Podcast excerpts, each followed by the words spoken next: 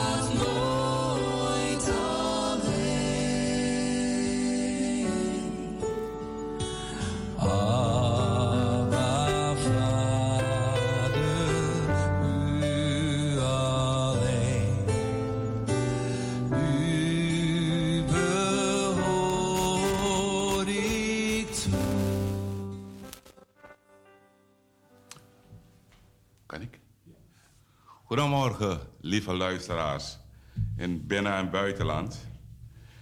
We zijn weer in de uitzending. Vandaag hoort u een heel andere stem, namelijk de stem van Tom Benjamin. Ik zit hier omdat onze zuster, uh, ja, na zo'n lange tijd niet op vakantie te zijn geweest, even de deur uit is. En ja, als er iemand weg is en je zit in een team, dan neemt iemand het van je over. Daarom zit ik vandaag hier samen met uh, mijn mede-presentator. En technicus? Fred Bender is vandaag de technicus van de dienst en ik mag samen met Tom vandaag de uitzending maken. De microfoon weer naar de presentator. Oké, goed. Zo, u heeft Fred gehoord en ik heet u nogmaals welkom luisteraars, broeders, zusters, lieve kinderen. Ik van harte welkom bij Anitri FM, een uitzending van Evangelische Broedergemeente Wiege Kerkie in Amsterdam Zuidoost. U kunt zo meteen gaan luisteren naar de morgenwijding, die verzorgd zal worden door broeder Marcus Giel. En ik zou zeggen, luistert u. Hier komt de morgenwijding van broeder Marcus Giel.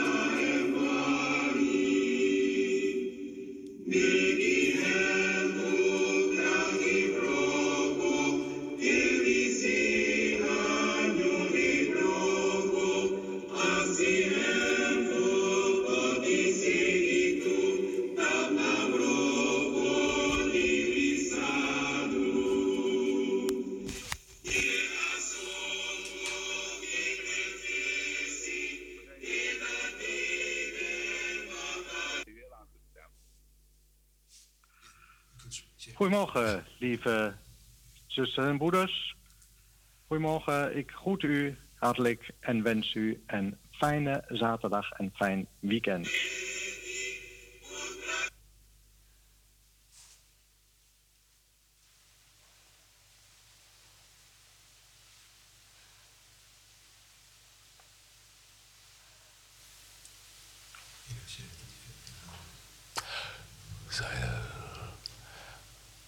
luisteraars.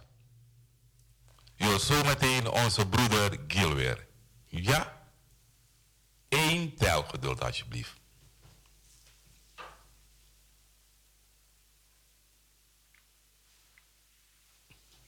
Goedemorgen lieve luisteraars van Anitri FM. Fijn dat u ook vandaag weer afgestemd bent op uw radio vanuit de Evangelische Broedergemeente. En fijn dat we vandaag met broeder Tom Benjamin iemand in de studio hebben die uh, ons door deze uitzending leidt. Ik ben net hier door het park gefietst. Het is een prachtige ochtend in de Bijlmer. De zon ging op boven de spotvelden in kleuren van goud en oranje. Ik wens u een kleurrijk en fijn en gezegend weekend. Het is vandaag 26 november. En ik hou u voor de dagteksten voor deze dag, voor onze overdenking, zoals we dat elke week gewend zijn. Het dagwoord staat vandaag in Psalm 116. Daar staat: Ik mag wandelen in het land van de levenden onder het oog van de Heer. Ik mag wandelen in het land van de levenden onder het oog van de Heer. En het woord uit van de evangelist Lucas, uit Lucas 20. Het is een woord van Jezus. Hij zegt daar, hij is geen God van doden, maar is een God van levenden. Want voor hem zijn allen in leven. Hij is geen God van doden, maar van levenden, want voor hem zijn allen in leven. En het lied erbij, Halleluja, prijst de God der goden, de beheerser van het graf, die de sleutels van het rijk der doden aan zijn zoon in handen gaf. Zalig, die zich stil uit handen geven en met Christus sterven en herleven, hem zij heerlijkheid en macht, nu en immer toegebracht. Nog een keer de dagteksten. Ik mag wandelen in het land van de levenden onder het oog van de Heer. Met Lucas 20. Hij is geen God van doden, maar van levenden, want voor Hem zijn allen in leven. Broeders en zusters, ik weet niet hoe het u verging, want uh, dat is nogal heftig. God is geen God van de doden, maar van de levenden. Ik ben eerlijk gezegd een beetje geschrokken, alhoewel ik dit woord kende. Maar misschien is het ook voor u zo dat u zegt van, ja, het geloof, daar horen toch de doden bij. Gods liefde, zijn kracht en zijn belofte houden toch niet op aan de grens van leven en dood. En wij, juist in de kerk, hebben heel veel rituelen het sterven en begraven. Wij eren onze doden, wij begraven hen, houden hun naam in ere, gedenken hen. Voor ons is het heel belangrijk. Het maakt een deel uit van ons, ja, van onze manier van kerk zijn, hoe wij onze doden begraven. Wat bedoelt Jezus dan als hij zegt: God is geen God van doden, maar van de levenden? Ik wil het even toelichten, want dit stukje komt uit uh, Lucas 23. Ik zei het al, uh, Lucas 20. En dat is een stuk over de, een gesprek van Jezus met de Sadduceeën. En de Sadduceeën, dat zijn mensen die niet in de opstanding van de doden geloven. En zij hebben ja, een gesprek met Jezus en ze zeggen: Jezus, hoe zit dat? Als een man um, getrouwd is en die sterft, dan, zo heeft Mozes het gezegd, moet de broer die met deze vrouw trouwen. En dat heeft Mozes gezegd. En wat zou u zeggen als er zeven broeders, broers zijn en nou, de eerste overlijdt, de tweede, de derde enzovoort tot de zevende. Welk van de zeven broers zou dan in de hemel de man zijn van die vrouw? Wat een absurde vraag eigenlijk.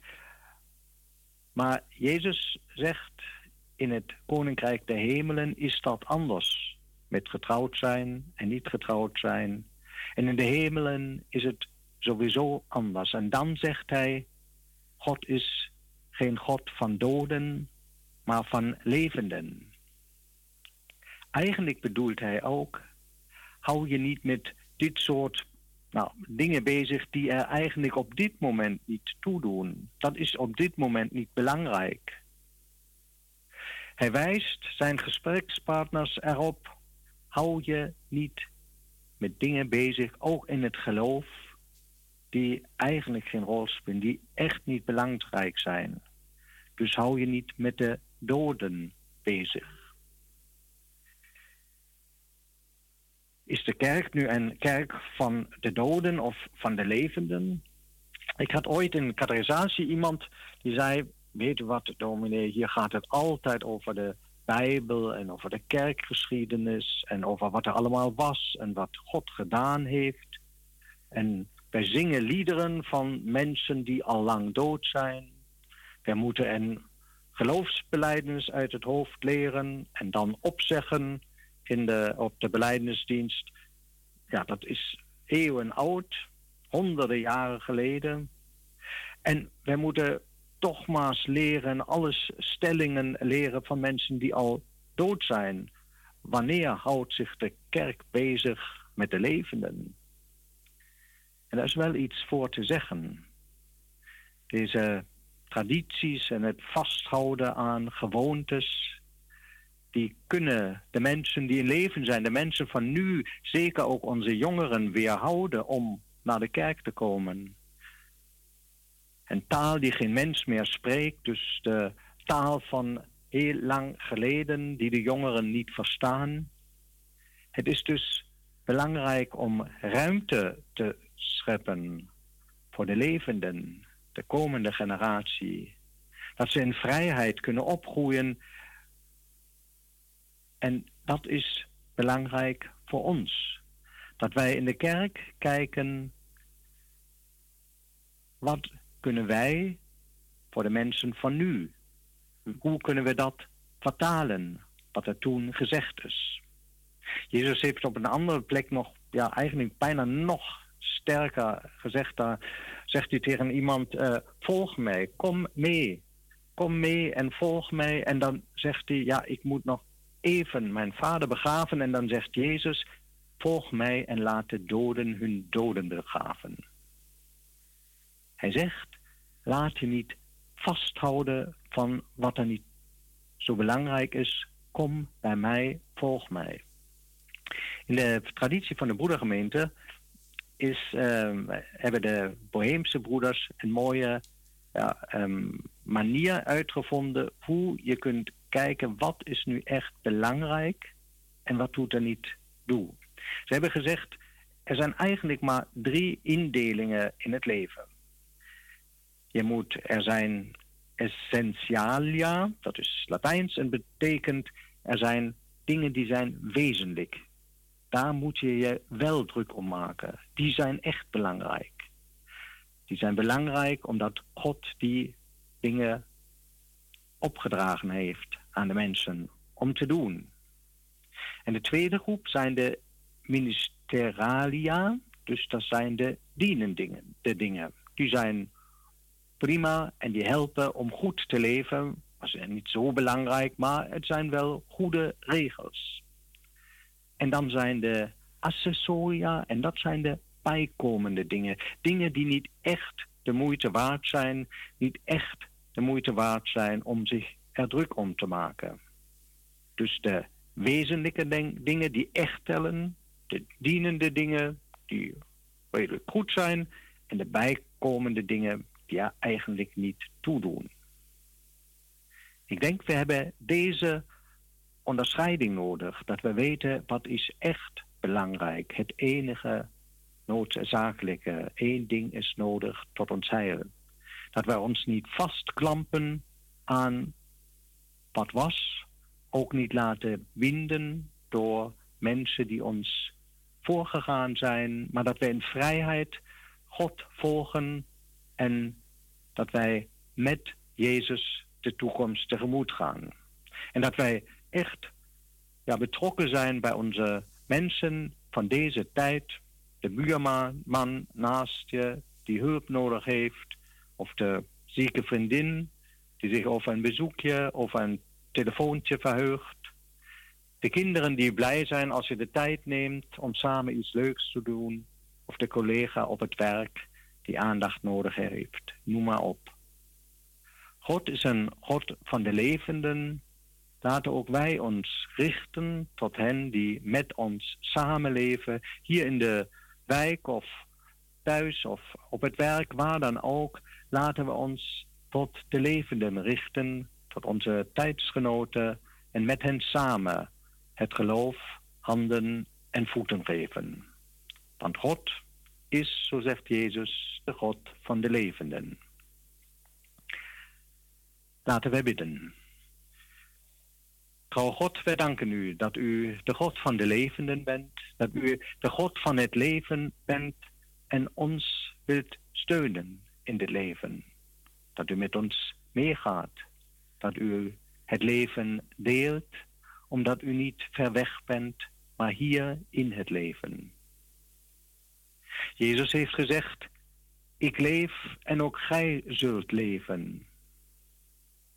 Heer, geef dat wij ons leven niet verspillen aan dingen die er niet toedoen. Dat wij niet vasthouden wat toch dood is, maar dat wij kiezen voor het leven.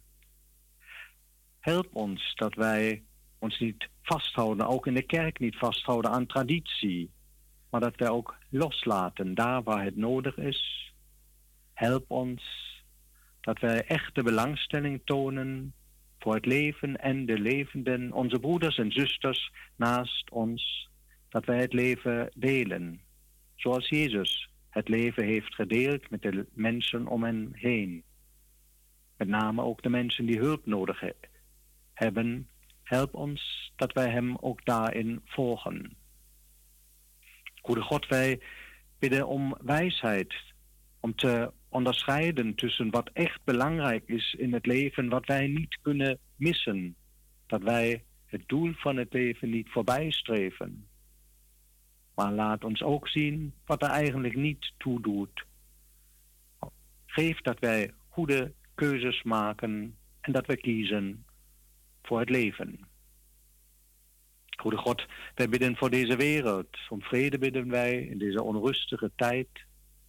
Om vrede op de hele aarde. Met name denken wij aan Oekraïne, maar ook aan onrustige streken in het noorden van Afrika of tussen de bewoners in Mexico en op vele andere plaatsen meer. Wij bidden om vrede in de hele wereld, maar ook in ons land. In onze wijk hier in Amsterdam Zuidoost geeft dat wij in vrede met elkaar wonen, want we zijn allemaal kinderen van u. Goede God, wij bidden voor Suriname in deze week van de, waar wij de onafhankelijkheid herdenken. Wij danken u voor uw zegen voor het land. En we bidden voor onze geliefden daar. We bidden voor iedereen die verantwoordelijkheid draagt. En wij bidden om zegen en toekomst voor Suriname. Wij denken ook vanochtend aan de rouwenden en de stervenden. Heer, wees nabij verdriet en angst. En laat u zien als een God van kracht. Een God van troost. En God die ons nooit loslaat. We denken aan de zieken. Ook uit onze gemeente. Mensen die niet weten hoe verder. Mensen met pijn. Mensen met zorgen over de toekomst. Heer, wees met de zieken. Wees hen nabij met uw kracht. Met de jarigen verheugen we ons over alles wat u aan zegen geeft. Wij danken u voor het nieuwe levensjaar en bidden om begeleiding en zegen ook in de toekomst. Voor ons allen bidden wij dat u ons begeleidt op ons levensweg. Wees ook met onze gemeente, die morgen het, de adventstijd ingaat. Geef dat wij leven in het licht, leven zoals u het van ons vraagt. Begeleid ons als wij in het licht toegaan op het grote feest van kerst, de komst van het kind, uw zoon, onze Heer. Dat alles vragen wij u in zijn naam. Amen. Lieve luisteraars, ik wens u allemaal een gezegend weekend. Dat u van het mooie weer kunt genieten, van de mooie lucht. Morgen, je hebt het net gehoord in het gebed, morgen vieren wij 1 Advent, een bijzondere dienst. Wij Hernhuters zingen dan het Hosianna samen met onze broeder Bob Vrede. De ster gaat aan, de ster verlicht onze kerkzaal en wij ontsteken de eerste kaars op de Adventskrans. Een feestelijke dienst die muzikaal wordt opgeluisterd door de revivals. Een ja, hele mooie koor. Ik wil nog uh, erop wijzen dat er nog kaartjes zijn. Uh, de bus is al redelijk gevuld, maar er zijn nog kaartjes voor ons uitstapje op 3 december. Dus zaterdag aanstaande, precies over een week. We gaan naar Düsseldorf, naar onze partnergemeente, de broedergemeente daar. En er is ook gelegenheid om te shoppen, de kerstmarkten te bezoeken of een van de mooie musea van Düsseldorf. Dus volgende week bent u uitgenodigd. U kunt een kaartje kopen voor 30 euro bij de boekentafel in Wiegikerkie. Dan is er elke week, ik wil daar ook nog op wijzen, elke week donderdag van 5 tot 7 spreekuur. Als u iets op het hart hebt, kunt u daar graag langskomen de zusters staan u graag te woord. We blijven verbonden, we blijven met elkaar op weg. Ik wens u allemaal een gezegend weekend. God bless you. Tot ziens.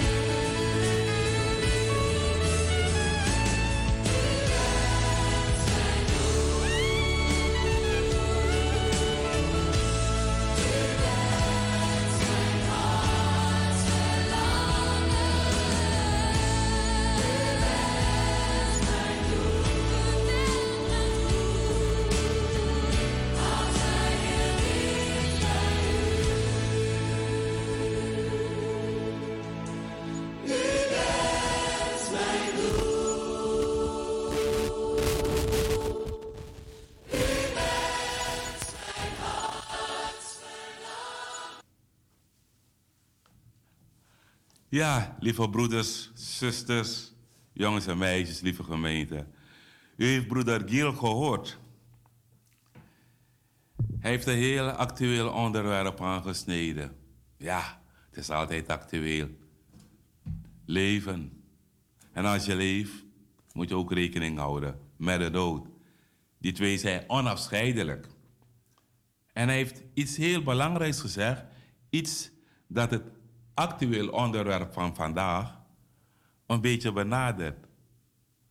Hij zei op, op een gegeven moment: waarmee moeten we ons bezighouden? En waarmee niet? Wat te doen en wat niet te doen. In het leven moeten we ons bezighouden met positieve dingen.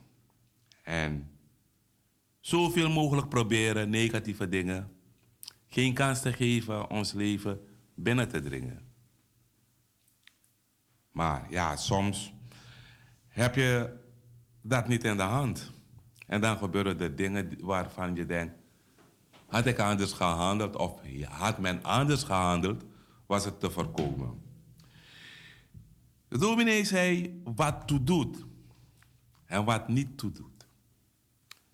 Wat ik vind, en ik denk dat met mij heel veel luisteraars, is dat we allemaal liefde nodig hebben. We hebben allemaal hulp nodig. Ik ben nog geen mens tegengekomen die onafhankelijk is en kan zijn en kan blijven van geboorte tot dood. We hebben mensen nodig om ons heen. Als zijn we miljardair, toch hebben we mensen nodig. Ja, we, moeten ons aankleden, we moeten eten, we, we hebben auto's nodig. Al die dingen worden door anderen gemaakt. Maar wat niet toe doet, dat zijn dingen die wij als het ware, ja, vanaf het begin van de wereld proberen uit te bannen. Maar het lukt ons maar niet.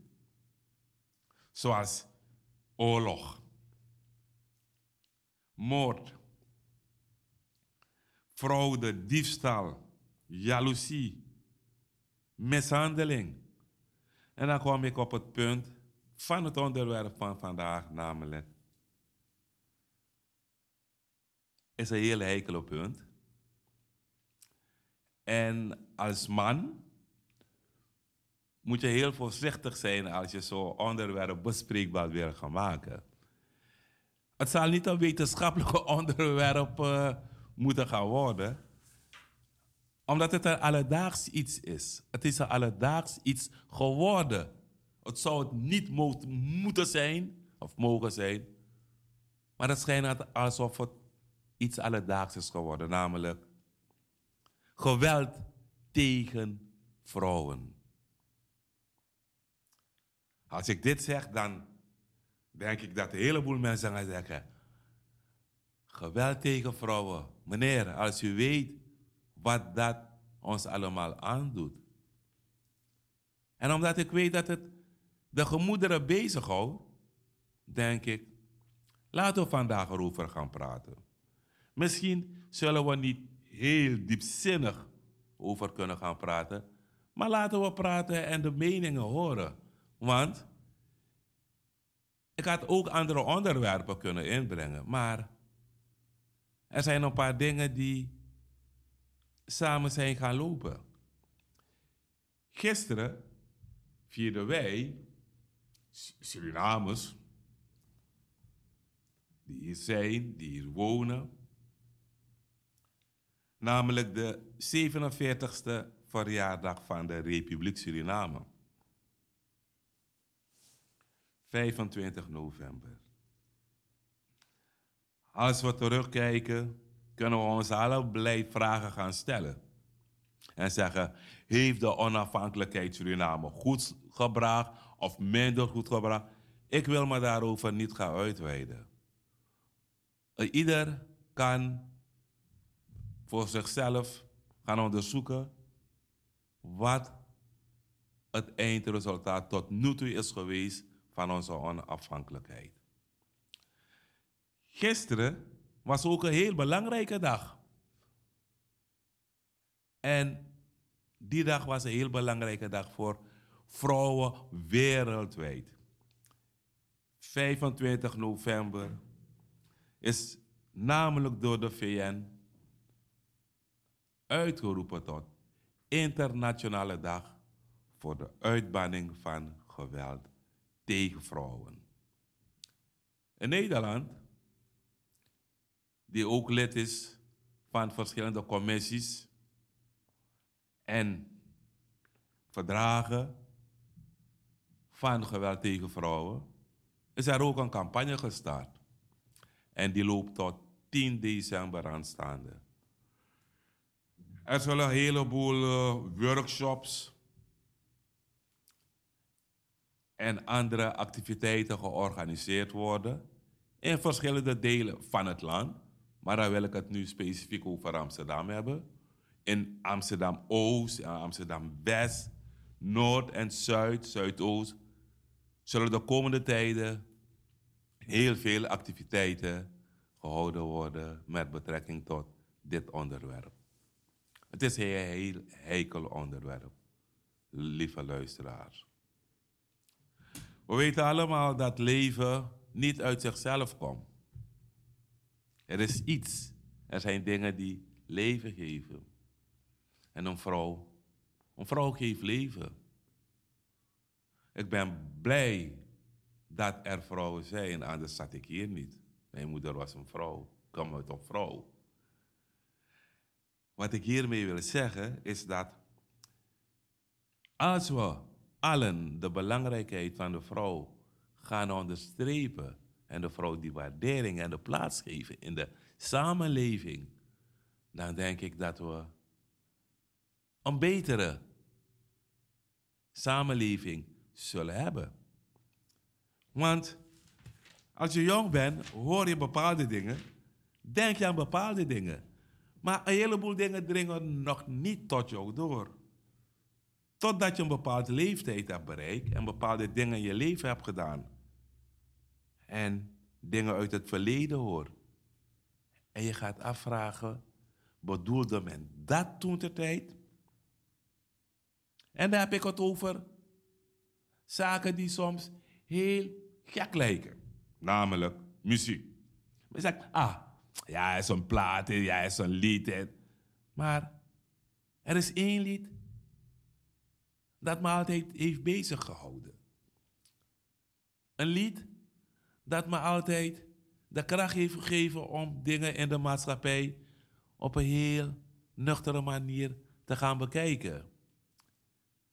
En die dingen heb ik ook meegenomen in mijn beroep. Ik heb een onderwijsachtergrond, ja, ik ben docent. En ik zie bepaalde dingen erin. Eén lied dat me altijd bij is gebleven, is een lied waarin men vertelt over Confucius. En Confucius, ja, een Chinese wijsgeer, die heel lang teruggeleefd. Maar hij heeft heel belangrijke dingen gezegd, die tot de dag van vandaag op geld doen, namelijk Everything started with two people. Alles begint met twee mensen. Twee mensen, happy couples. En hij zegt, happy couples make happy children. Ja, gelukkige echtparen maken gelukkige kinderen. Happy children make happy communities. Happy communities makes happy cities. And happy cities make happy states. Happy states, happy countries. So it stands to reason that if there are happy countries, there got to be a better world. En dan zegt hij aan het eind, maar ik wil over niets anders praten dan over jij en ik. Je ziet weer, van toen af, eeuwen terug, had men al de belangrijkheid van man en vrouw onderkend. Dat ze samen iets zouden moeten doen. Alleen door samen dingen te doen, krijg je een goed product. Gelukkige echtparen maken gelukkige kinderen. Gelukkige kinderen maken gelukkige gemeenschappen. Gelukkige gemeenschappen maken gelukkige staten. Gelukkige staten maken gelukkige landen. En als alle landen gelukkig zijn, dan zouden we een gelukkig en betere wereld hebben. Maar ja, door omstandigheden is dat niet zo. Maar laten we het hebben over het geweld tegen de vrouw. Waar komt dat vandaan? Wat zijn de factoren? Wat zijn de dingen die spelen dat, dat er zoveel geweld tegen vrouwen wordt, wordt gebruikt? Elke dag lees je weer vrouw vermoord, vrouw vermist. En als je verder in de materie duikt, dan word je even stil. Je wordt gewoon even stil en dan denk je, hoe kan dat nou? Als je leest dat er in Nederland elke acht dagen een vrouw wordt vermoord, dan vraag je af, hoe kan dat nou? Elke acht dagen wordt er een vrouw vermoord. En dat is niet zomaar gezegd. Dat stelt het Kennisinstituut voor Vrouwen en Emancipatiegeschiedenis, Atria. En dat blijkt ook uit cijfers van het CBS, het Centraal Bureau voor de Statistiek, dat bijna 6 op de 10 vermoorde vrouwen in Nederland tussen 2017 en 2021 vermoord zijn door hun ex-partner of hun partner. En bij bijna 20% ging het om een familielid. Dan vraag je af, wat gebeurt er? Wat gebeurt er? Dat men zo tekeer gaat tegen vrouwen. De vorige week was ik een paar dagen vrij en ik volgde het Surinaams nieuws. En daar werd ik even stil. Want ook daar worden vrouwen vermoord. En net wat ik heb gelezen uit cijfers, het gebeurt door, meestal door een bekende. Een partner, een ex-partner, of, of, of, of ja, een vriend. Ik, ja, ja, ik weet niet hoe ik het moet verwoorden. Ik denk dat het soms als zo'n grote klap over je heen rolt. Dat je perplex staat en denkt, hoe kan het zo ver zijn gekomen? Wat zijn de oorzaken? Wat zijn de redenen? En wat doet de overheid? Wat doen de nationale overheden hiertegen? Wat ik weet, en dat staat vastgelegd, is dat vrouwenrechten een fundamenteel grondrecht is. Het is vastgelegd. En de vraag is, wat, doet wat doen de nationale overheden om vrouwen te beschermen? Ik denk dat in bepaalde culturen, ja, het niet zo nauw wordt genomen met vrouwenrechten. Maar in de tussenhaakjes geciviliseerde maatschappijen, dat er toch wel mechanismen in werking gesteld zouden moeten worden om dat uit te bannen. Maar je ziet het. Met alle vernieuwd, vernieuwde snufjes die we hebben op technologisch gebied, blijft het maar doorgaan. Het lijkt alsof het juist toeneemt. En wat men niet begrijpt, soms wel en soms niet, is dat het veel verder werkt. Het werkt veel verder, mensen. Ik heb nu al een soort van inleiding gegeven. U mag straks gaan reageren. U mag bellen. Op bepaalde vragen zal ik proberen antwoord te geven. Op bepaalde kan ik geen antwoord geven, weet ik nu al. En op bepaalde zal ik geen antwoord geven. Waarom? Omdat als je antwoord geeft op een vraag, je kan zeggen een nationaal vraagstuk, moet je ter zake deskundigen hebben die het kunnen onderbouwen. Die uitspraken kunnen onderbouwen. Ik heb globaal over gelezen. Ik moet er ook over lezen, omdat in mijn vakgebied, mijn werk, er vaak excessen plaatsvinden. En dan moet je een mening daarover gaan, gaan hebben. Je moet een mening vormen, want er wordt van jou verwacht dat je uitspraak doet over een feit. En je bent ook deel van een gezin. Laatst riep iemand die heel dicht bij me staat, mij en vroeg Tom, kan ik je iets vragen? Ik zeg ja. Je mag alles vragen, behalve geld, want dat heb ik niet. Dat is een sideline. Toen zei zij, Tom, kijk eens om je heen. Kijk eens wat in de wereld gebeurt.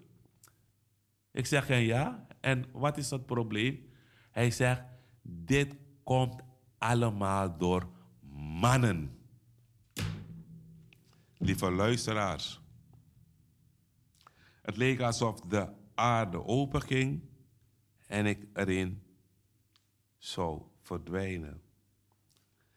Het was zo'n klap voor mij, figuurlijk, dat ik geen antwoord op kon geven. Ik liep weg. Ik vroeg, voordat ik ging lopen, als ik later antwoord kon geven. Omdat ik weet dat ik geen antwoord heb. Ik heb geen antwoord. Misschien kunnen mensen mij helpen. Ook zo op dit stuk. Geweld tegen vrouwen. Als we kijken naar de, naar de digitale middelen die we ter beschikking hebben. Om dingen vooruit te kunnen programmeren en allerlei dingen te kunnen doen, dan vraag ik me af: kunnen wij deze middelen niet inzetten om het geweld tegen vrouwen een halt toe te roepen? Dat schijnt niet. Want het lukt maar niet. Het lijkt alsof het juist toeneemt. De andere vraag is: zouden we overheid nog meer moeten gaan bewegen om actie te ondernemen tegen dit fenomeen, namelijk fermicide, vrouwenmoord? Waarbij de gevolgen voor, voor, voor de nabestaanden immens groot is. Voor de omgeving, voor de maatschappij, voor de toekomst. Voor bestaande relaties. Voor relaties die nog in een heel prille stadium zijn. En voor relaties die nog opgebouwd moeten worden. Want hoe gaat een jonge dame nu een keus moeten maken als ze dit leest? Hoe moet jij als vader of moeder s'avonds slapen als je weet dat je oudste dochter een relatie heeft waar het, ja, het een soort van knipperlicht relatie is, waar er vaak spanningen zijn. Hoe? Hoe moet je iemand nu gaan vragen om ja te zeggen tegen, in jouw ogen, een heel lieve jongen? Die later achteraf misschien, ja, toch niet die lieve jongen is. Waarvoor hij zich eerst uitgaf. Het zijn allemaal dingen die ons bezighouden. Het zijn allemaal dingen waar we, ja, ik weet niet. Het is maatschappijbreed. En het is niet alleen maatschappijbreed, het is wereldbreed. Maar laten we ons beperken tot Nederland en ook Suriname, denk ik. Want wij zitten hier. We hebben meer mogelijkheden dan de mensen in Suriname. Dus ik denk dat als wij hier bepaalde dingen kunnen doen die positief uitwerken, we het ook naar Suriname kunnen exporteren. Om het daar te gaan toepassen. Ik ga even een break nemen. U mag daar reageren. U mag bellen naar de studio. En als u belt, heeft u een nummer nodig. En het nummer is 020 737 1619. Nogmaals 020 737 1619. 19.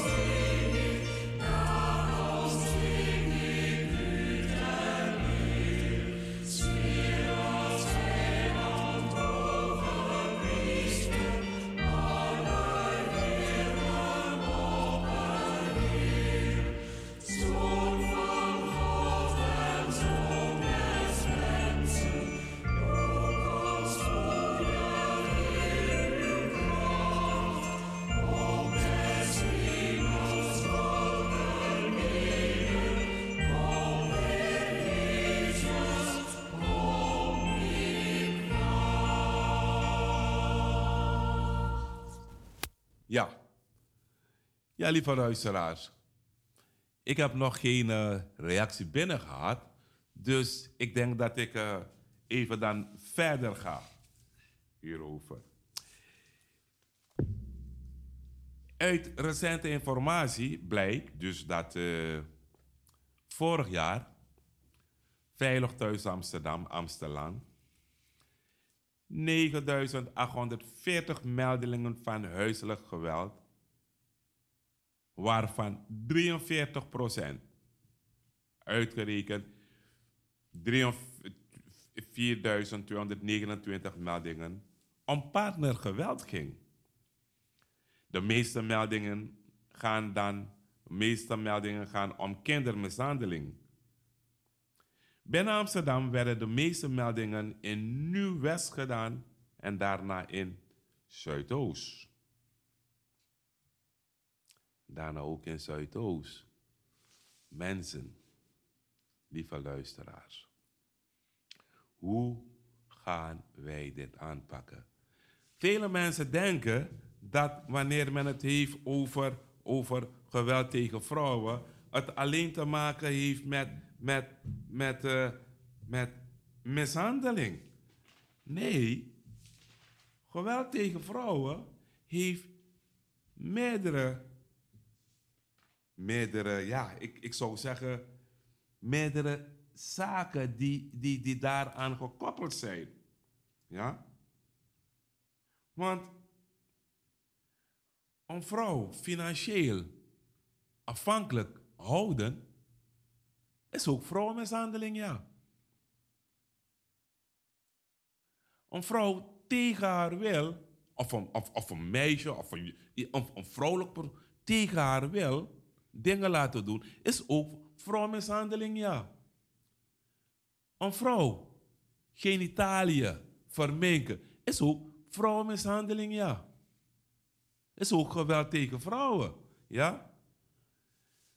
Vrouwen, uh, vrouwen bepaalde diensten laten doen zonder betaal. Is ook vrouwenmishandeling, ja. Het zijn allemaal zaken die niet kunnen. Want elk mens heeft rechten. Grondrechten. Die zijn vastgelegd in de grondwet. De hoogste wet van het land. En toch zie je dat men gewoon daaraan voorbij gaat. Dan vraag je af, wat is het probleem? Wat kunnen we allemaal als samenleving hier tegen doen?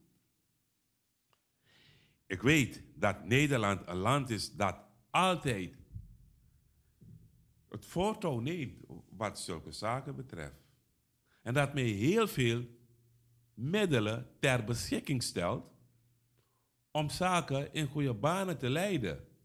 Ik kan daarvan meepraten, omdat ik de afgelopen tig jaren heb meegemaakt dat men begint waar men moet beginnen. Namelijk binnen het onderwijs. Men, men, men heeft heel veel deskundigheid in huis om voor alles een, lespakket te maken. En ik denk dat er hier ook over ook lespakketten zijn gemaakt.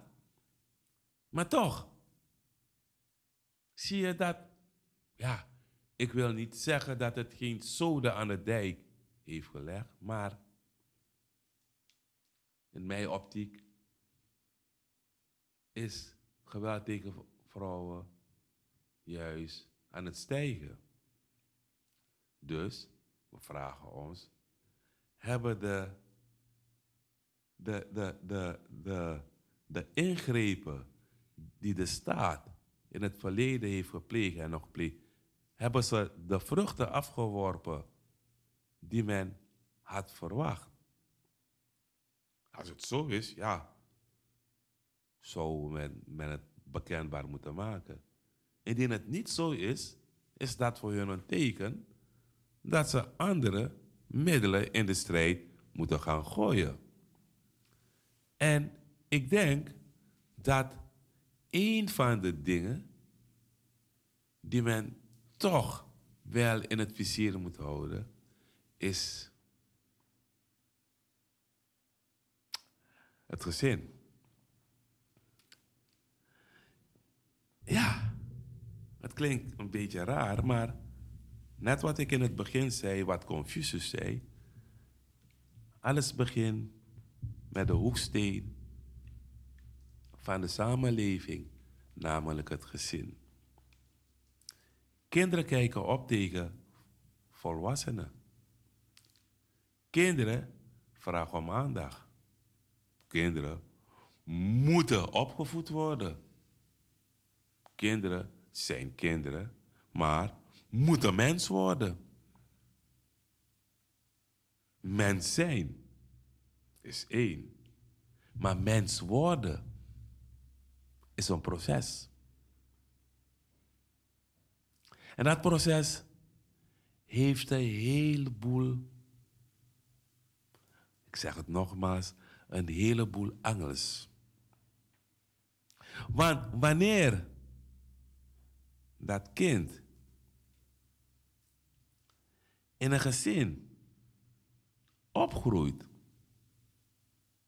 waarbij bepaalde normen en waarden die institutioneel zouden moeten zijn voor een vreugdevolle en vredevolle relatie binnen het gezin ontbreken, dan zie je die uitwassingen ook op heel jonge leeftijd bij die kinderen. En ik kan daarover uitspraken doen. Na bijna 35 jaar onderwijs in verschillende onderwijstypes hier in Nederland en een jaar op de Antillen, kan ik zeggen dat het gezin een heel belangrijke rol speelt. Het gezin noemt men niet voor niets de hoeksteen van de maatschappij. De hoeksteen die ervoor moet zorgen dat de maatschappij een krachtig en stabiel, stabiel fundament heeft. Om toekomstige generaties de plaats te geven die ze nodig hebben om voor te bouwen aan dit prachtige land. Maar wanneer het fout gaat in het gezin, dan zie je hoeveel middelen, hoeveel hulpverleners en hoeveel allerlei dingen aan te pas moeten komen om één gezin te ondersteunen. Gandhi zei het zo mooi. It takes a whole village to raise up one child. Je hebt een heel dorp nodig om een kind op te voeden. En het is soms goed als iedereen zich daarmee gaat bezighouden. Want wat we nu zien, is dat in, ja, er zijn cijfers, dat in heel veel gezinnen de normen en waardestelselen die wij als vanzelfsprekend verwachten, ontbreken. We hebben nu te maken met een heleboel soort nieuwe gezinsvormen. En ik spreek geen waardeoordeel daarover uit, luisteraars. Begrijpt u mij goed? Ik spreek geen waardeoordeel uit dat bepaalde ge gezinsvormen beter zijn dan andere. Nee. Want de goedheid van een mens is niet van zijn gezicht af te lezen. De goedheid van de mens, en dat is mijn mening, is af te lezen in de handelingen die de mens pleegt, die de persoon pleegt. In het gedrag dat hij laat zien. Je kan uit een heel goed milieu komen. Maar als je van nature toch een slechte inborst hebt, dan denk ik niet dat wat je thuis hebt meegekregen toch wel uh, overeind blijft. Omdat, als dat het geval was, dat je door dingen die op papier staan en die je hebt gelezen, je beter mens zou moeten worden, dan zouden er geen vrouwen vermoord worden. Want soms lees je, s'morgens groeten kinderen vader en moeder samen. Dag pa, dag ma, tot later. Om later van school gehaald te worden door de politie en, en, en, en andere hulpverleners. Want ze moeten naar huis. En op een vraag, ja, waarom moet er nou... Ja, er is iets ernstigs gebeurd. Je vader heeft je moeder vermoord. Dan, dan denken die kinderen, ja, maar, maar hoe kan het? Pa en ma waren altijd zo lief voor elkaar. Pa en ma lachten altijd. Vanmorgen nog, waren ze aan het lachen. En nu worden we naar huis gehaald omdat pa en ma heeft vermoord. Wat moet er dan gebeuren met zo'n kinderen? Hoe gaan deze kinderen de maatschappij bekijken? Wat gaat er in hen om? Hoe gaan die kinderen tegen hun vader opkijken? Wat gaat de vader aan hun kinderen kunnen vertellen? Lieve luisteraars, het is geen makkelijk onderwerp. De dominee zei het. Laten we ons bezighouden met wat toedoet en wat niet toedoet. Wat toedoet is elkaar liefhebben, elkaar respecteren, elkaar waarderen. En als het niet gaat, laten we erover praten. En als het helemaal niet gaat, laten we een derde erbij halen. Om ons wegwijs te maken. Want soms zijn er factoren in het spel die geen van beide partijen onder de knie hebben. Die maken dat, dat ze elkaar niet gaan begrijpen met al gevolgen van dien. Maar dan nog zeg ik, niemand heeft het recht om een ander te mishandelen en in het ergste geval het leven te ontnemen. Niemand. Lieve luisteraars, u mag reageren. U hoort zo muziek en dan mag u reageren op telefoonnummer 020 737 1619.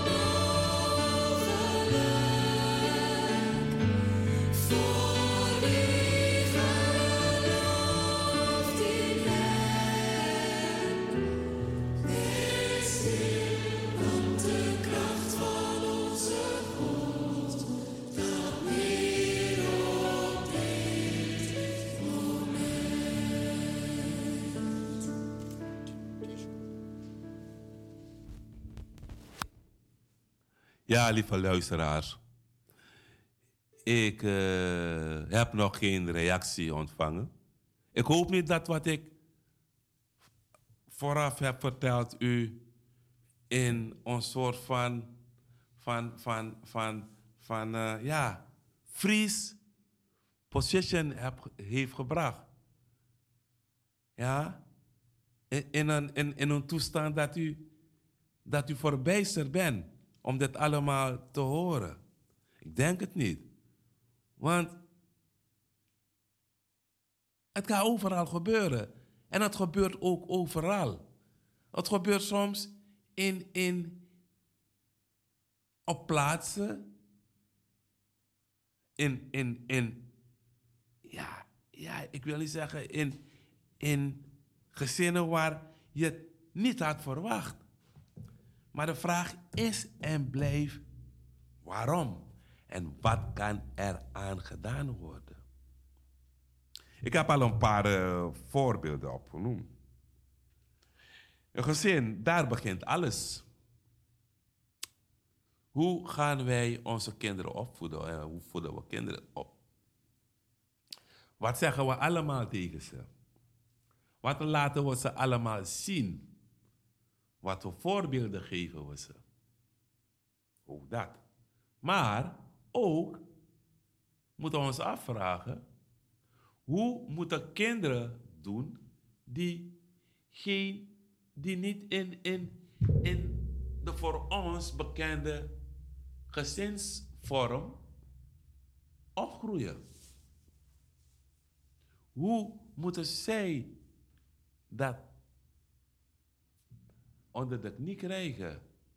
Of hoe moeten kinderen het leren als ze geen positieve rolmodellen hebben? Hoe moeten kinderen het leren als ze netwerken hebben die, die allemaal, ja, ook nu wil ik geen waardeoordeel uit, uit, uitspreken, maar over netwerken beschikken die, om het ronduit te zeggen, negatief. Negatief en nogmaals negatief beïnvloeding heeft op hun gedrag. Je ziet het. Het is maatschappijbreed. En alleen maatschappijbreed zullen en kunnen wij dit fenomeen gaan bestrijden. Want we weten het. Soms zie je een, een iets en je denkt, ja, het is iets, ja, het zal me niets doen. Totdat het aan jouw deur aanklopt. De vorige voorganger die wij hadden, broeder Christian Lindner, heeft ooit een heel mooi verhaal verteld. Mensen denken vaak, ja, het zal mij niet gebeuren. Het zal met niemand van mij gebeuren, totdat het wel gebeurt. Soms zie je dingen in, de, in het leven, in het dagelijks leven gebeuren waarvan je afvraagt, waarom zegt men niets ervan? Dan zegt men, ja, het regadeert me niet, het is mijn zaak niet, want ja, ik, ik bemoei me niet ermee, want het zal me niet overkomen. Maar het verhaal dat broeder Christian vertelde ging zo.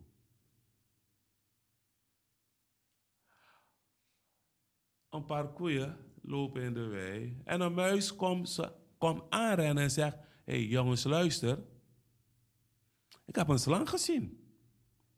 Ah, die koeien zeggen, ja, als hij hier komt, trappen we hem dood. Ja, een slang, ah, hij, hij, is zo vermorzeld hoor, onder ons hoofd. Dus eh, pak je weg.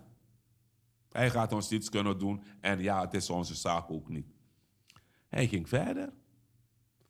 Hij zag een varken. Hij zag, broertje varken, ik heb een slang gezien. Varken zegt, ja, en wat moet ik dan? Een slang. Dan gaat hij mij buiten. Hij, bijten, ja. Ik heb zoveel vet, ja, zijn gif komt niet door. En ja, als hij niet oppast, eet ik hem op. Oké. Gaat verder. Hij ziet die kippen. En hij zegt tegen die kip, ik heb een slang gezien, hij komt deze kant op. Ja, nou als hij hier komt, ja, zeggen die mannetjes, eh, zeggen die hanen, sporren we hem dood en, en we pikken zijn ogen uit, jongen. Oké, goed, zo, zeg gedaan. Niets aan de hand. Je zegt, is goed. Ik heb jullie gewaarschuwd. Ah, pak je weg, man. Er gaat ons niets gebeuren. Tot de dag de vrouw van de boer het land opgaat om, om een paar eh, vruchten te plukken en groenten om te koken. En ze wordt gebeten door die slang. Ze komt thuis, ziek. Er komt hulp. Maar ja, het schijnt dat de plaatselijke hulp niet voldoet. Dus ja, en, en u weet het, in de vroegere tijden, ja, als er iets met een, met een dorpbewoner gebeurt, komt, de, kwam het heel dorp om, om attentie te betuigen en steun te verlenen. Dus ja, er komen de nodige mensen uit de omgeving. En ja, als mensen bij elkaar zitten, moeten ze eten, moeten ze drinken. Dus zegt de boer tegen zijn knechten, nou, haal alvast een paar kippen. En we gaan ze slachten, want die mensen moeten eten. Maar de toestand van de boerin werd slechter. Dus kwamen er nog meer mensen uit andere dorpen. Ja, en de boer wil, wilde al zijn gasten die hem kwamen ondersteunen, toch wel te geven. Dus hij zei, nou ja, ga maar en pak de varkens. En op een gegeven moment ging het helemaal niet. Toen moesten mensen uit andere dorpen komen die meer kennis hadden van medicijnen en, en, en van eh, allerlei andere gezondheidszaken. maar het werd groter en groter. Dus op een gegeven moment dacht de boer, ja, hoe zal ik al deze mensen moeten voeden voor hun steun? Dus ja, liet hij de koeien slachten. Dus, moreel van dit verhaal is, wanneer er een gevaar is ergens, loop er niet voor weg. Maak er werk van om het gevaar de kop in te drukken. Om het gevaar te elimineren. Want jij denkt, ja, ik zal het aankunnen of het zal mij niet gebeuren. Maar uit dit verhaal blijkt dat het een misvatting is geweest. Soms zegt men, ja, maar ik woon hier niet, dus wat hier gebeurt interesseert me niet. Nou, als je soms leest waar er moorden worden gepleegd, waar er vrouwen worden vermoord, dan denk je, ja, ik had het in die regio niet verwacht. Of ik had het van die meneer niet verwacht. Of ik had het van die jongeman niet verwacht. Met andere woorden, lieve luisteraars. Geweld tegen vrouwen is altijd geweest. Het is er. Maar wat wij als maatschappij moeten gaan doen, is het afwijzen, niet accepteren en alle middelen in de strijd gooien om dit euvel, dit, dit, dit, dit, ja, ik, ik, ik, om het om ze christelijk te zeggen, dit door de tegenstander, en als we het hebben over de tegenstander, dan bedoelen we de duivel. Want want anders kan ik het niet omschrijven. Hoe kan jij een vrouw met wie je kinderen hebt, een vrouw die je zoveel liefde geeft, die, die altijd voor je klaar staat, gewoon het leven ontnemen? Alsof, alsof het niets is. Hoe kan je kinderen hun moeder ontnemen? Hoe kan je familie, hun, hun, hun, hun kind, hun nicht, hun dochter, hun, hun, hun. Ja, hoe? Wie geeft jou het recht? Lieve mensen, luisteraars, jong en oud. Laten wij niet vergeten dat wij allemaal de maatschappij uitmaken. De maatschappij, dat zijn wij. Als we dat in ogenschouw nemen en allemaal gaan doen wat we moeten doen, met de hulp van de nationale overheid en al die overheden internationaal één blok vormen, beginnende bij de hoeksteen van de samenleving, namelijk het gezin, dan denk ik dat we op de goede weg zullen komen. Ik zeg zullen komen, omdat als we op de goede weg waren, er geen toename zou moeten zijn van geweld tegen vrouwen. In deze verlichte digitale tijdperk. Waarbij wij in staat zijn om digitale middelen en andere middelen te gebruiken voor, voor ja, ik wil, eh, ik wil het niet zeggen, maar voor, voor, voor, voor zoveel destructieve doeleinden. Waarom kunnen we ze niet inzetten om dit fenomeen, ja, het zoveel leed en verdriet, wrok en wraak, oproep te bestrijden. Mensen, lieve gemeente, jong en oud, het is aan ons om op te staan en te zeggen, dit accepteren wij nu niet en nooit niet. Dank u. Heeft u reactie? U kunt bellen naar 020 737 1619.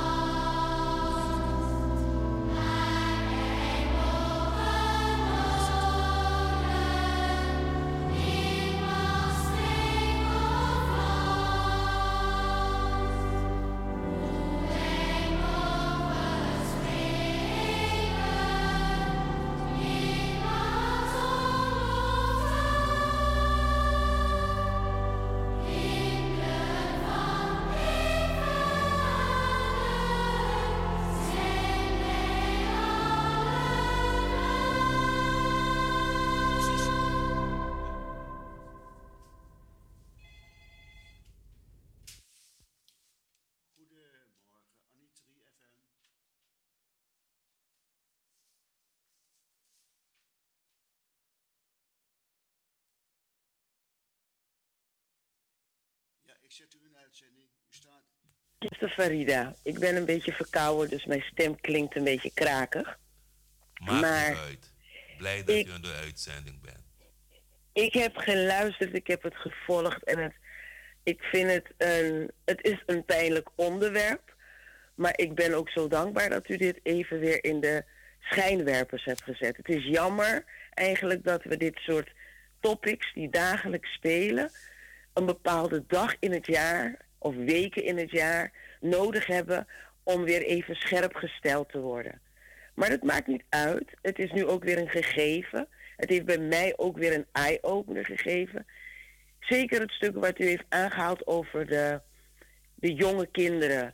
Kinderen die in zo'n gezinssituatie worden grootgebracht en geen voorbeeldfiguren hebben om het een, een, een positieve draai aan te geven. Of kinderen die in een gezinssituatie zijn geplaatst omdat ze thuis weg zijn gehaald omdat er daar ware huiselijk geweld situatie was. Waar moeder ontzettend werd mishandeld en wat voor hun ook een mishandeling is. Al werden ze fysiek misschien niet geslagen, maar het, het, het, eh, het geestelijke, alles wat je ziet en ervaart en hoort, is ook een impact op de kinderen. En dan kom je in een pleeggezin en daar wordt het ook weer herhaald. Maar dit keer is het dat kind die ook eigenlijk daaronder gebukt gaat. En ik, voor mij is het een eye-opener om mee te nemen wat u ook aan hebt gereikt van wat doen wij? Keren we onze hoofd om en dan als we uiteindelijk iets horen en dan schreeuwen ja, ik had dit niet verwacht, ik had het niet gedacht. Het heeft mij aan denken doen zetten van ehm, hoe kunnen we dit eigenlijk meer bespreekbaar maken, zodat je preventie aanpak kan hebben.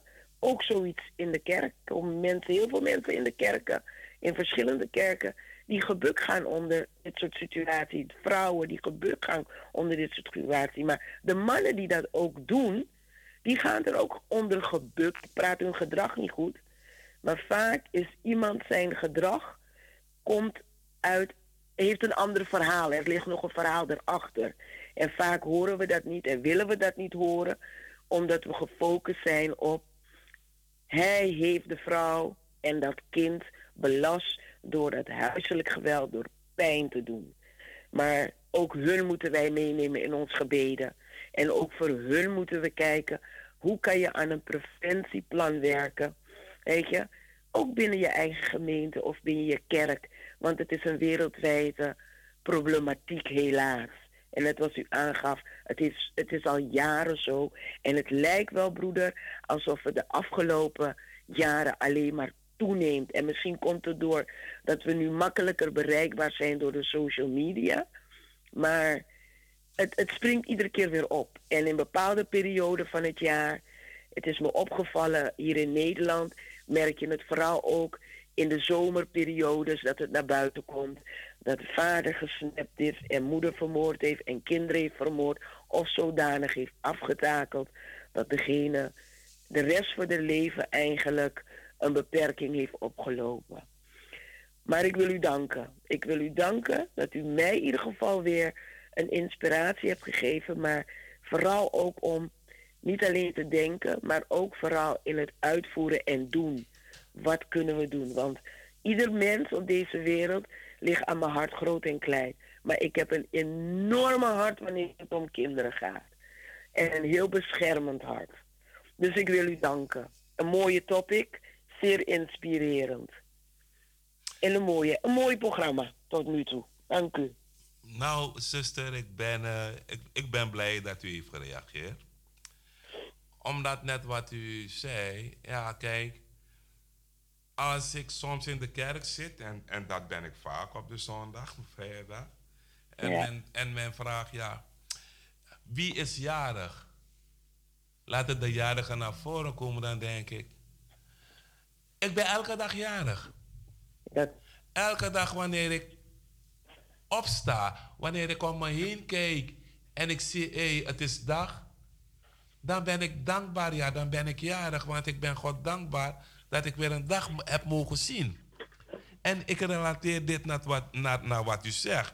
Kijk, het moet niet zo zijn dat men alleen op 25 november, de internationale dag van geweld tegen vrouwen, gaat reageren. Nee, het moet iets zijn dat elke dag, elk minuut, elke seconde, elk ogenblik bespreekbaar wordt gemaakt en warm wordt gehouden. En het moet overal bekendheid aangegeven worden. Andere mensen als horen zeggen, jongen, nou, een spijt naar dus, man. Jongen, maar, maar de persoon die, die dat zegt, vergeet dat hij uit een vrouw is voortgekomen. ja, Een vrouw die, die hem met liefde heeft opgebracht. Hoe krom of scheef. Dat hij nu volwassen is geworden en dat hij in staat is om zo'n uitspraak te doen. Maar wanneer mensen zulke uitspraak doen, luisteren anderen mee. ja, En wanneer de anderen onvolwassen zijn en deze uitspraken meenemen, dan weet u dat 1 en 1 2 wordt. klopt. Met Klopt. alle gevolgen van dien. Dien. Ja. En, en de vraag is, zuster, u bent jongerenwerker.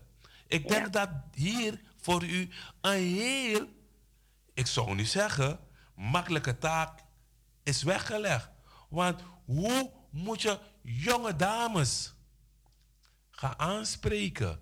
Hoe moet je jonge mannen gaan aanspreken? Wat moet je ze vertellen? ja. Want je ziet twee jongen ja, in de gemeente. Ze houden van elkaar, ze, ze, ze, ze maken grapjes. Maar diep in jou denk je, maar stel dat, dat, dat John vandaag of, of morgen een heel ander gedrag gaat vertonen. Stel dat hij fysiek, nodig.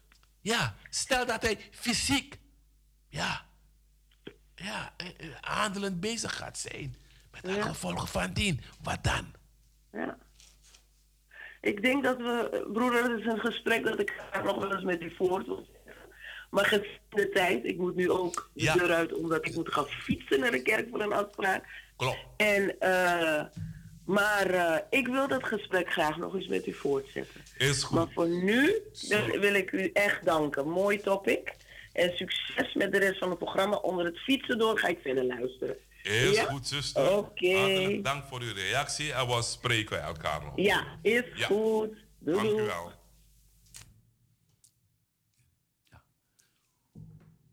Goed, mensen. Eh, we gaan nu over naar verhaal voor de kinderen. Ja, goedemorgen. Dit is Fred Bender achter de microfoon van Anitri FM.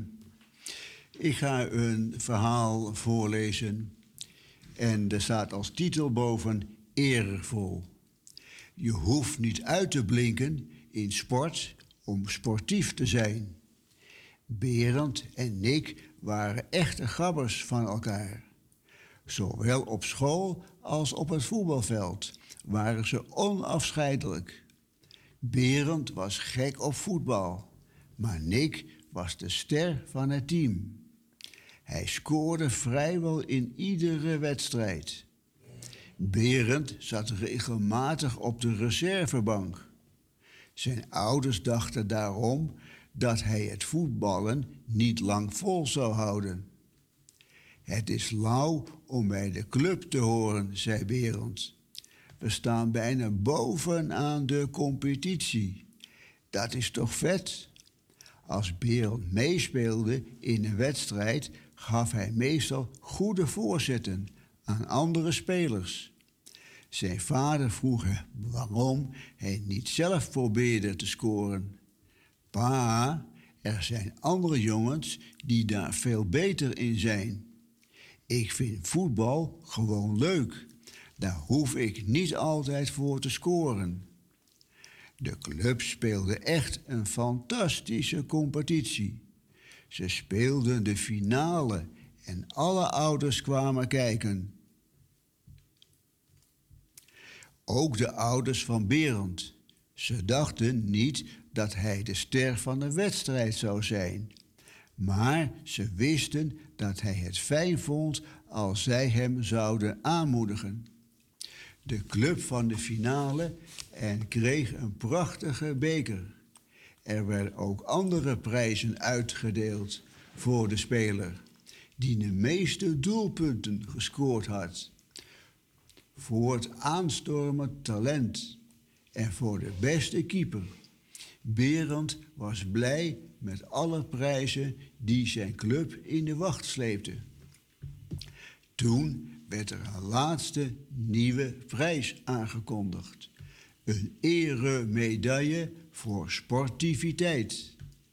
Het was een prijs voor een speler die dat seizoen had laten zien de beste teamspeler te zijn. En deze eerste keer was de prijs voor Berend de Boer. Hij kon zijn oren niet geloven. De jongens van de club begonnen allemaal te roepen: Berend, Berend. Ze riepen net zo lang tot de medaille omgehangen werd. En toen kreeg hij een staande ovatie. Berend dacht bij zichzelf: Dit is de gaafste club die er bestaat. En jongens en meisjes, dit was dan deze week het kinderverhaal. De microfoon gaat weer terug naar de presentator. Zo, lieve kinderen. Ja. Een toepasselijk verhaal. In de toepasselijke tijd. De WK-tijd. Er is WK-voetbal en het kinderverhaal ging over voetbal. En je ziet, als je best doet, ligt altijd aan het eind een beloning. In dit geval een medaille. Maar goed, ik hoop dat jullie hebben genoten van dat kinderverhaal. Ik wil jullie alvast, ja, een fijne voortzetting van het weekend toewensen. Rust goed uit, speel genoeg, eet genoeg, drink genoeg, want morgen zondag en na zondag volgt automatisch maandag en dan gaan de schooldeuren weer open. En dan gaan we weer naar school. Ik wens jullie alvast een heel fijn voorzetting van het weekend. En voor de nieuwe schoolweek heel veel verstand, heel veel doorzettingsvermogen en heel veel liefde. Goed luisteren naar de juf. Je mag je mening geven, maar doe het op een gepaste manier. Je mag een, een, een robbertje willen uitvechten met je vriend of vriendinnetje. Maar doe dat alsjeblieft niet. Praten werkt beter. Ja? Oké. Dat is wat we afspreken. Oké, lieve luisteraars. We gaan door met het eh, programma. Ik wil van hieruit. De dominee zei het in zijn dagtekst, waarbij gevraagd werd. En gesproken werd over leven en dood. Bij het leven hoort dood. En bij dood hoort leven. Klinkt een beetje gek, net als wat de dominee zegt. Maar als we naar de natuur kijken, dan zien we, als wij een plant willen hebben, moeten we het eerst in de grond stoppen. Het zaad is in ons ogen dood, levenloos. Maar als we het in de grond stoppen, dan zien we het na een tijd opgroeien. Wij mensen, we leven. Op een gegeven moment zijn we er niet meer. Ik wil op dit moment stilstaan bij de families. De mensen die de afgelopen weken, dagen, uren misschien of minuten, hun dierbaren hebben moeten afstaan aan de eeuwigheid. En dan wil ik in het bijzonder denken aan de familie Loples in Suriname en hier, die hun dierbare, hun zus, moeder, schoonzus, familiemens aan de eeuwigheid moeten hebben afstaan. Familie Loples, alle broers en zusters, Jules, Percy, André, Pauli, Robbie. Heel veel sterkte en kracht in deze voor jullie droeve tijd.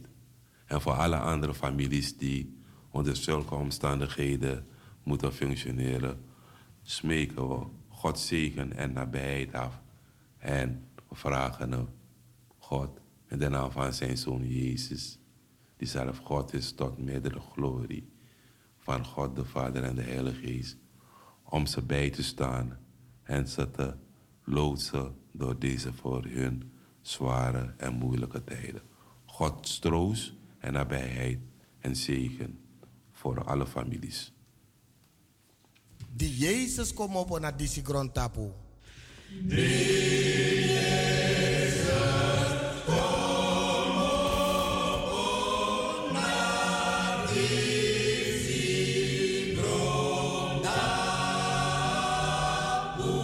Kom blessi dem lobby disciple ataki.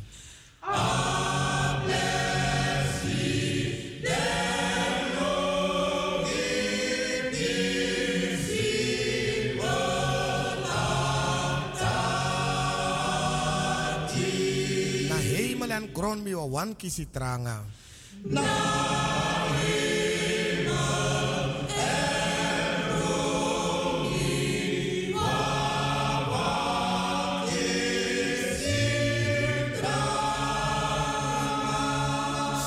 So teki mi woord to en chari hempanya.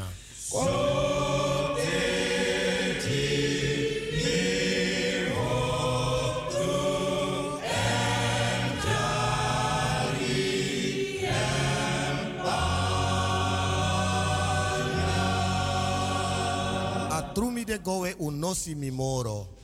Maar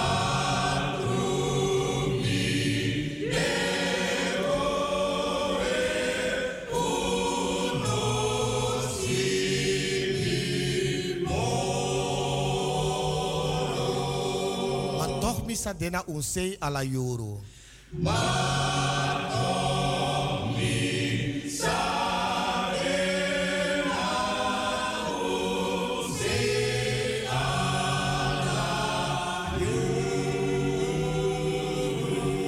Baka a hope for him, Hanu, for blessing.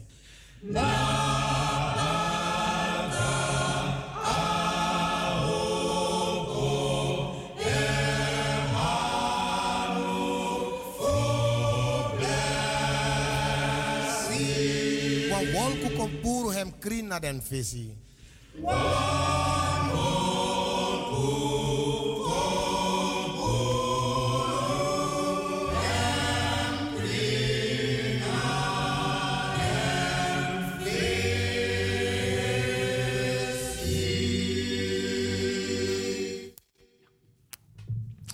Zo, lieve luisteraars. Nogmaals, sterkte families. Maar er zijn ook een heleboel dingen om te vieren.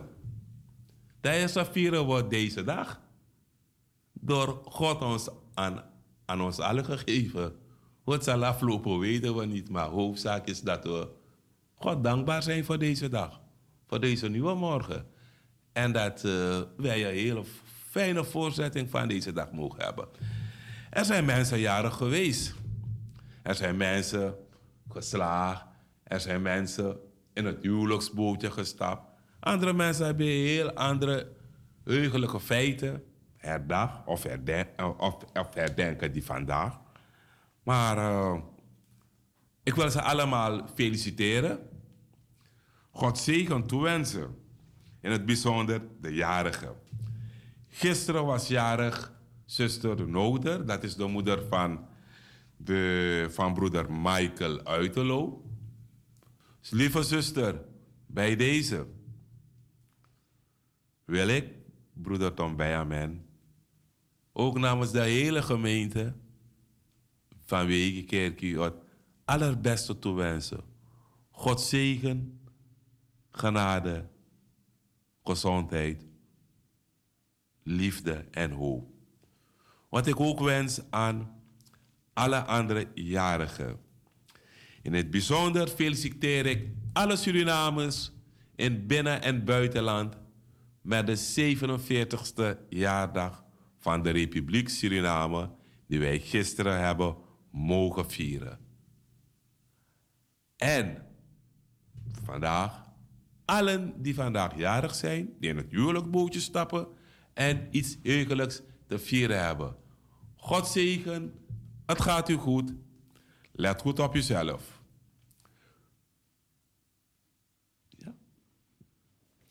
Oké, en ook nog felicitaties uit mijn eigen eh, kring. 24 november was jarig Han Poesiat. En dat is een, eh, een zoon van Etje en Bart Poesiat. En Etje Poesiat is vandaag de 26e jarig.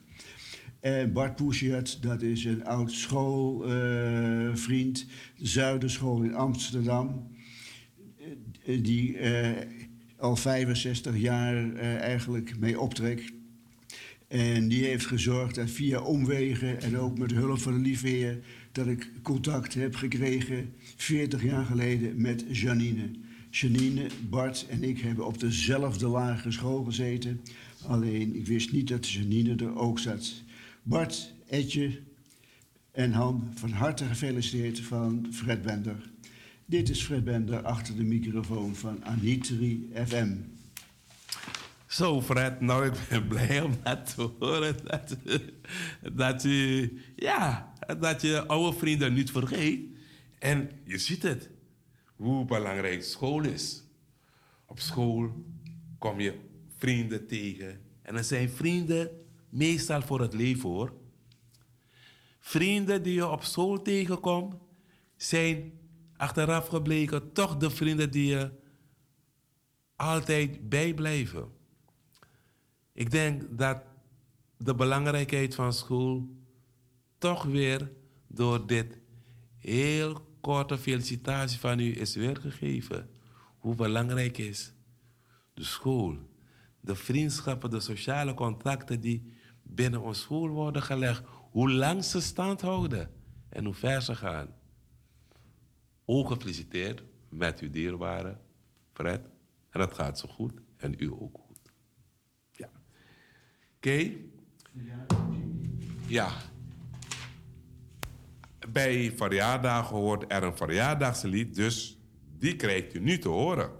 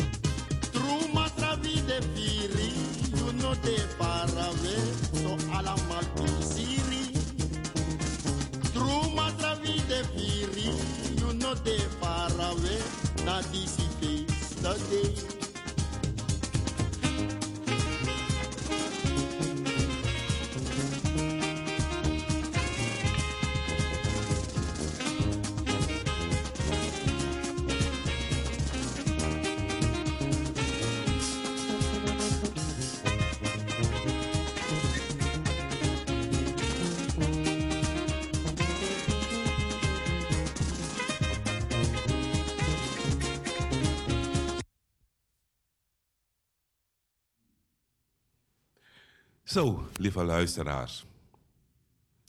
Alsnog, hartelijk gefeliciteerd. Ik ben vergeten, want eh, ik ben vergeten om mijn zus Hillegonda Annemarie Horizon bij mij te feliciteren, die afgelopen woensdag jarig was. Heel, mijn schat, mijn lieve zus, ik hou heel veel van je. En alsnog, heel hartelijk gefeliciteerd. René, zwager, ook jij, de kinderen en kleinkinderen, jullie allemaal worden gefeliciteerd met de jaardag van Hillegonda Annemarie Horizon Benjamin. Zo, lieve luisteraars, we zijn gekomen bij de mededelingen. De dominee heeft het aan het begin van de uitzending gezegd, maar het is altijd goed om dingen te herhalen. Morgen hebben wij, zoals gebruikelijk, om 11 uur weer dienst in Wegekerkie, Kortvoort. De dienst begint om 11 uur. En morgen starten wij met de Advent. En dan gaan we onder leiding van onze broeder Bob Vrede gaan wij de Hosiana dienst doen. Morgen dus de Hosiana dienst in Wegekerkie. Beginnen om 11 uur. En zoals je weet eh, kunt, eh, kunnen de mensen die erbij zouden willen zijn, maar door omstandigheden niet bij kunnen zijn, kunnen dat volgens de link volgen. Ja, de link wordt, eh, is al uitgegeven. Dus als u de link volgt en hebt, dan kunt u de dienst morgen ook vanuit de plaats waar u bent, omdat u niet aanwezig kan zijn, gewoon volgen. De donaties, die kunt u ook doen via de bekende kanalen. Die zijn ook meegegeven bij de link. En de mensen die in de kerk aan, uh, uh, fysiek aanwezig zijn, die doen het, ja, of cash, of zoals het nu ook kan, via je QR-code. Je ziet de digitale voordelen. Ja? Dus u, u hoeft niet met geld op zak te lopen. Als u geld hebt en u heeft uw QR-code, nou, dan kunt u ook daarmee uw collecte doen in de kerk. Want mensen, laten we één ding begrijpen. Zonder uw hulp en steun hebben wij geen gemeente.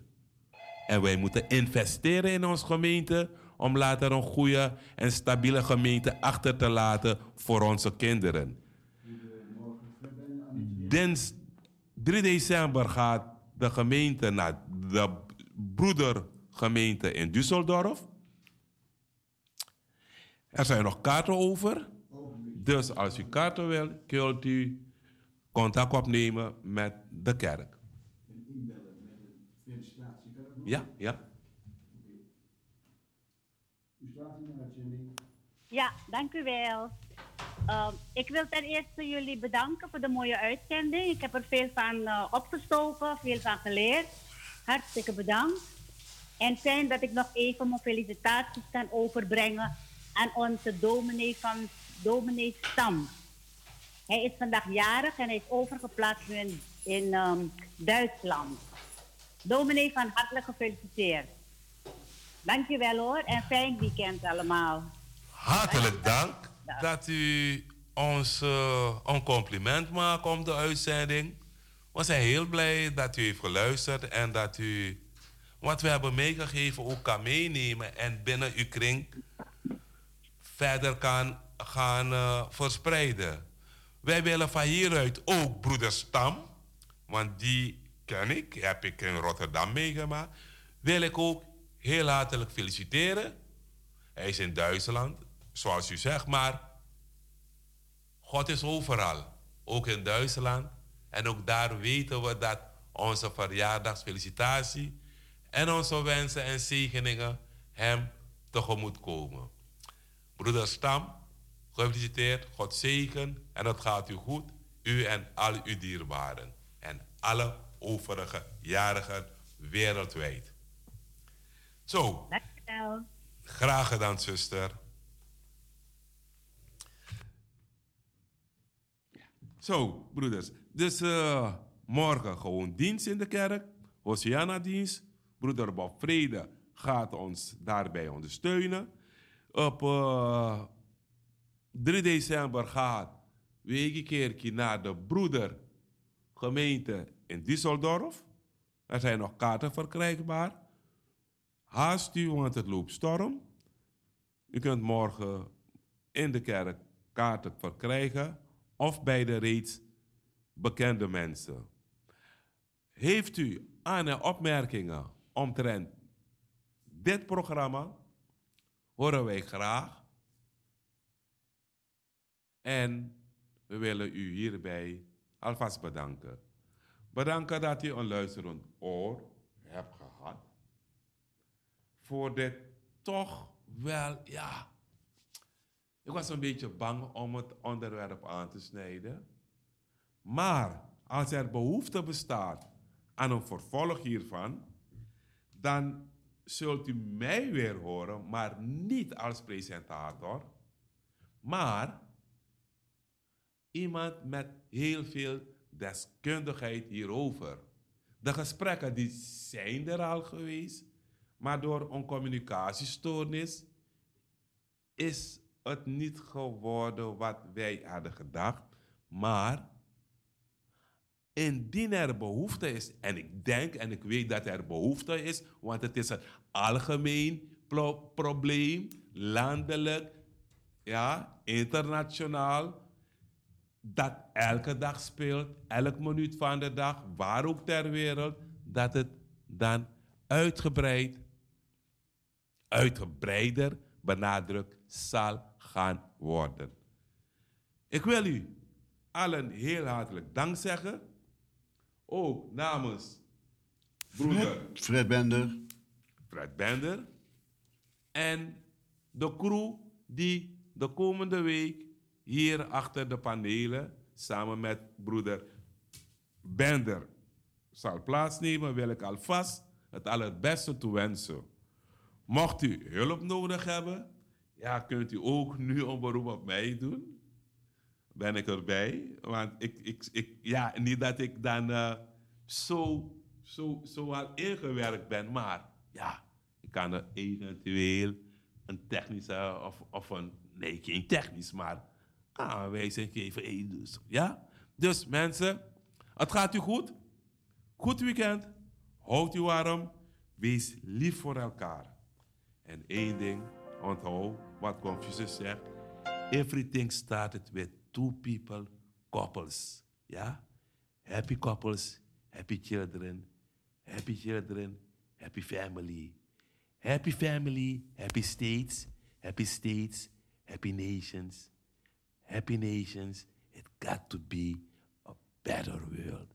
En dat willen wij allemaal mensen. Een wereld vol van liefde, vreugde en vrede. In de naam van Jezus, onze Heer. Bedankt. Ook namens broeder Fred Bender.